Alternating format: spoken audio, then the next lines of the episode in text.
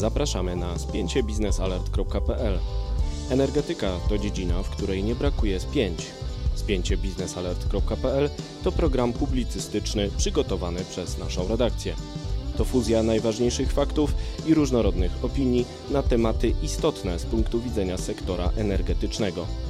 Energia elektryczna i gaz, atom i OZE wszystkie te zagadnienia mieszamy niczym miks energetyczny dogłębnie i z komentarzem na koniec każdego tygodnia. Szanowni Państwo, kolejny tydzień, kolejne spięcie biznesalert.pl. Przed Państwem Wojciech Jakubik i Mariusz Marszałkowski. Jak ostatnio bardzo często e, widujemy się z Państwem w takim właśnie gronie, rozmawiamy o ważnych sprawach i e, o różnych spięciach poglądów, spięciach e, polityk różnych krajów wokół energetyki. I dzisiaj przyjrzymy się e, historii, historii, która nie może się skończyć. Jest to historia gazociągu jamalskiego, infrastruktury przesyłowej e, przez Polskę z Rosji, która zdawałoby się jest w Unii Europejskiej, ale nie do końca w tej Unii jest. I za chwilę postaramy się z Mariuszem przybliżyć Państwu o co chodzi. A chodzi oczywiście o gazociąg jamalski. Jest to infrastruktura e, powstała jeszcze na mocy porozumień z lat 90. XX wieku między Polską a Rosją. Otóż 21 maja 1992 roku Borys Jelcyn i Lech Wałęsa tak dawno temu ustalili, że powstanie polski odcinek gazociągu, który ma dostarczać gaz ze złóż jamalskich, dlatego jest to gazociąg jamalski, do Europy Zachodniej. I był to element umowy politycznej, umowy zwanej traktatem o przyjaznej i dobrosąsiedzkiej współpracy. No i ta nasza dobrosąsiedzka współpraca wyglądała tak, jak wyglądała przez te wszystkie lata. W końcu doszło do e, budowy gazociągu. Powstała spółka Europol Gaz, która miała budować właśnie ten gazociąg. Udziały w niej mieli PGNiG i Gazprom e, i te spółki miały e, budować polski odcinek gazociągu jamalskiego. Faktycznie Rosjanie dofinansowali te inwestycje. Jednym z kredytodawców był Gazprom Bank, czyli taki, taka skarbonka Gazpromu i faktycznie Rosjanie umożliwili sfinansowanie infrastruktury. Potem Europol Gaz, w którym udziały ma także polski PGNiG, musiał spłacać e, koszty budowy tego gazociągu. No i na tej arenie rozgrywały się przez wiele lat różne rozgrywki polityczno-biznesowe, które odbijały się na e, bezpieczeństwie energetycznym Polski, na tym, jak rozwijał się polski rynek gazu. W pewnym momencie nawet Komisja Europejska, która prowadziła śledztwo antymonopolowe przeciwko Gazpromowi, rozłożyła ręce, stwierdziła, że faktycznie e, kontrakt jamalski na przesył, nie na dostawy, na przesył gazu przez Polskę e, służy Gazpromowi do nadużywania pozycji monopolistycznej w Polsce, ale komisja nie jest w stanie nic z tym zrobić, no bo jest to porozumienie międzyrządowe, na które ona ma ograniczony wpływ. No i dzisiaj, po tylu latach, e, gazociąg jamalski pracuje. Ostatnio doszło do zmiany sposobu jego funkcjonowania, ponieważ Przepustowość gazociągu jest oferowana w aukcjach, działa on w sposób transparentny w oparciu o e, przepisy Unii Europejskiej, ale okazuje się, że historia dalej e, nie opuszcza. To znaczy nie jest to koniec historii gazociągu jamalskiego, historia dalej ma na niego wpływ, te historyczne kontrakty przede wszystkim. E, większość danych na ich temat jest objęta tajemnicą handlową, jednak mi i Mariuszowi udało się ustalić kilka faktów. I warto zacząć od tego, jak to się stało, że ten Europol Gaz ustalony przez Polaków i Rosjan zaczął oddawać pola gaz systemowi, który jest teraz formalnie operatorem gazociągu jamalskiego i o tym więcej może opowiedzieć właśnie Mariusz. Tak, to znaczy Europol Gaz jako właściciel jest, jest spółką, która, które, w której imieniu posiada właśnie ten, którego mienie posiada właśnie ta spółka wraz, która składa się z mm, akcjonariatu obecnie PGNiG-u, e, Gazpromu i Gaz Tradingu. I oczywiście PGNiG i Gazprom mają tutaj e, kluczowe e, zdanie, ponieważ obie spółki mają po 48% udziału. Pozostałe cztery należy właśnie do Gaz tradingu. Co jest ważne jakby w kontekście operatorstwa? Gaz System został operatorem na gazociągu jamalskim w 2010 roku, konkretnie 17 e, listopada zapadła decyzja prezesa Urzędu Regulacji Energetyki, która wyznaczyła właśnie tą spółkę jako niezależnego, to znaczy wtedy jeszcze nazwijmy to że spółka ta nie była niezależna, ponieważ nie posiadała certyfikatu niezależności, który otrzymała w 2000 w 2015 e, roku. Natomiast jaka, jakie było zadanie operatora, jeżeli chodzi o kwestię gazociągu jamalskiego?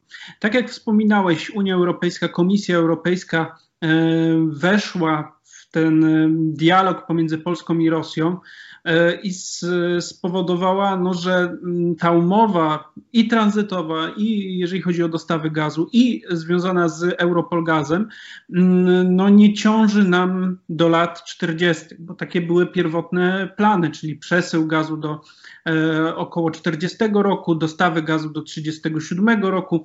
Także te, te, te, te, ta umowa miała być znacznie mm, dłuższa, znacznie bardziej skomplikowana. Tutaj Komisja Europejska przecięła mm, te y, zakusy Gazpromu i y, skróciła tą umowę, zarówno związaną z przesyłem gazu do 2000, e, właśnie do 17 maja 2020 roku, a tą umowę związaną na przesył gazu do końca 2022 roku.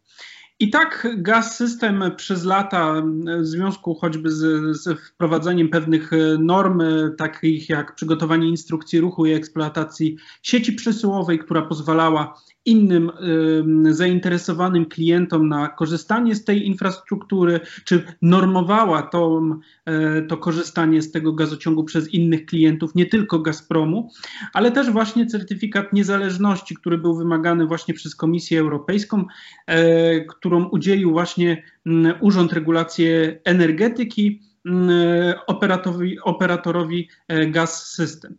Od tego momentu Gas System jest niezależnym operatorem, który w pełni respektuje prawo europejskie podmiotów trzecich, które mają swobodny dostęp do e, przepustowości gazociągu.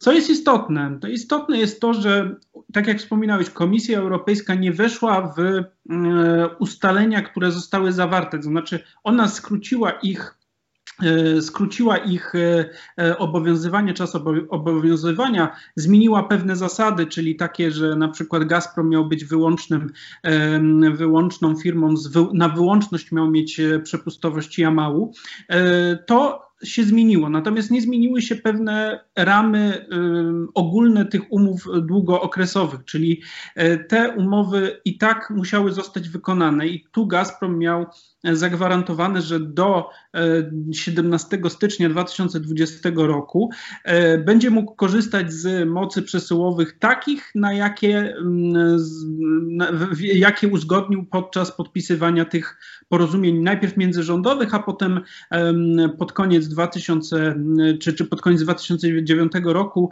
e, z PGNiG-iem na e, umowy, e, umowę na dostawę i przesył gazu. Również, co, co ważne pod, do podkreślenia, to to, że Gaz System jako operator gazociągu jamalskiego jest odpowiedzialny po pierwsze za dostęp stron trzecich do tego gazociągu, za, za możliwość skorzystania z tych e, usług. Jest Czyli właśnie organizuje aukcje, prawda? Dokładnie. Jest teraz odpowiedzialny za organizację aukcji. Jest odpowiedzialny również za wszelkie prace konserwacyjne i modernizacyjne przeprowadzane na tym gazociągu, czyli to gaz system odpowiada za to, że y, gazociąg działa e, w pełni e, sprawnie.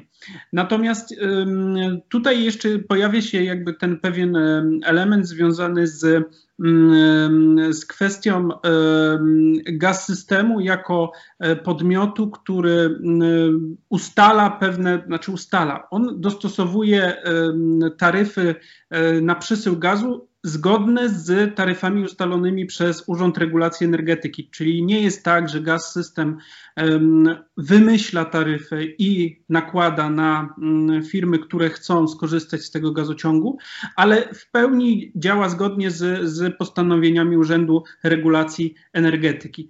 I tutaj, jeżeli chodzi o kwestie mm, związane z tą hybrydową umową, bo tutaj to też jest istotne, to e, Wojtek e, kontynuuje.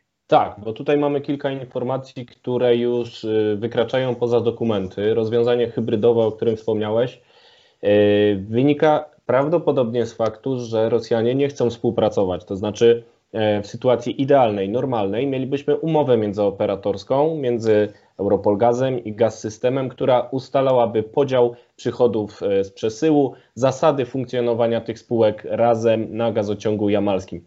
Natomiast nie mamy takiej umowy. I można podejrzewać, y, że jest to wynik właśnie oporu Rosjan. Nieoficjalnie można usłyszeć w sektorze gazowym w różnych źródłach, że e, faktycznie Rosjanie nie doprowadzili do podpisania tej umowy międzyoperatorskiej, więc faktycznie stała się nią decyzja URE z 9 grudnia 2019 roku. To znaczy Urząd Regulacji Energetyki miał narzędzia do tego, żeby narzucić te zasady funkcjonowania gazociągu jamalskiego Rosjanom, skoro ci nie chcieli podpisać umowy międzyoperatorskiej. Było to jedyne rozwiązanie, ponieważ nie było pola do kompromisu. Z tego względu ta decyzja URE jest nie do zdobycia. To znaczy, oczywiście proszę o telefon, jak ktoś ją ma gdzieś, chętnie przyjmę na wycieraczkę. Natomiast jest to niejawny dokument z tego względu, że on zawiera tajemnicę handlową, bo on de facto jest umową handlową, bo opisuje podział przychodów e, z, z przesyłu gazu rosyjskiego przez gazociąg jamalski między Gaz System i Europol Gaz. I z tego, co można też usłyszeć, czy też znaleźć na wycieraczce, e, URE rzeczywiście y, reguluje te sprawy w taki sposób, że duża część tych przychodów, nie wiemy ile, możemy szacować i bardzo ciekawe dane Mariusza można na ten temat znaleźć na naszej stronie. Duża część tych przychodów trafia ryczałtem właśnie do Europol, Gazu, do Europol Gazu, E, ponieważ przede wszystkim Europol Gaz musi zapewnić gaz techniczny. To jest gaz, który pozwala napędzać sprężarki, e, które pompują gaz e, dalej przez gazociąg jamalski. Musi być pewna ilość tak zwanego gazu paliwowego czy technicznego, który powoduje, że ten gaz docierający do nas z Rosji może potem popłynąć dalej. I ten gaz musi Europol Gaz kupić sobie w cenie E, która niekoniecznie jest najbardziej dla niego korzystna, na podobnych zasadach jak PGNiG kupuje ten gaz. E, I jest to wolumen, który udało się ustalić, że jest to około 400-500 milionów metrów sześciennych. E, może nie wydaje się to dużo, ale warto wspomnieć, że jedna elektrownia gazowa, jeden blok elektrowni gazowej może zużywać miliard metrów sześciennych rocznie. No to jeżeli Europol Gaz musi połowę tego kupować rocznie, no to to jest dużo i to dużo pieniędzy kosztuje. I z tego może wynikać fakt, że granica zysku Europolgazu zapisana w jego statucie na mocy świetnych porozumień polsko-rosyjskich na poziomie 21 milionów złotych jest w ogóle trudna do osiągnięcia. To jest mało pieniędzy, a trudno taki zysk wypracować przez te koszty e, obsługi gazociągu jamalskiego przez Europolgaz, więc to nie można powiedzieć, że to jest jakiś świetny biznes. I e, ta zagmatwana sytuacja, rozwiązanie hybrydowe będzie działać póki co nie ma innego e, wyjścia w tym momencie.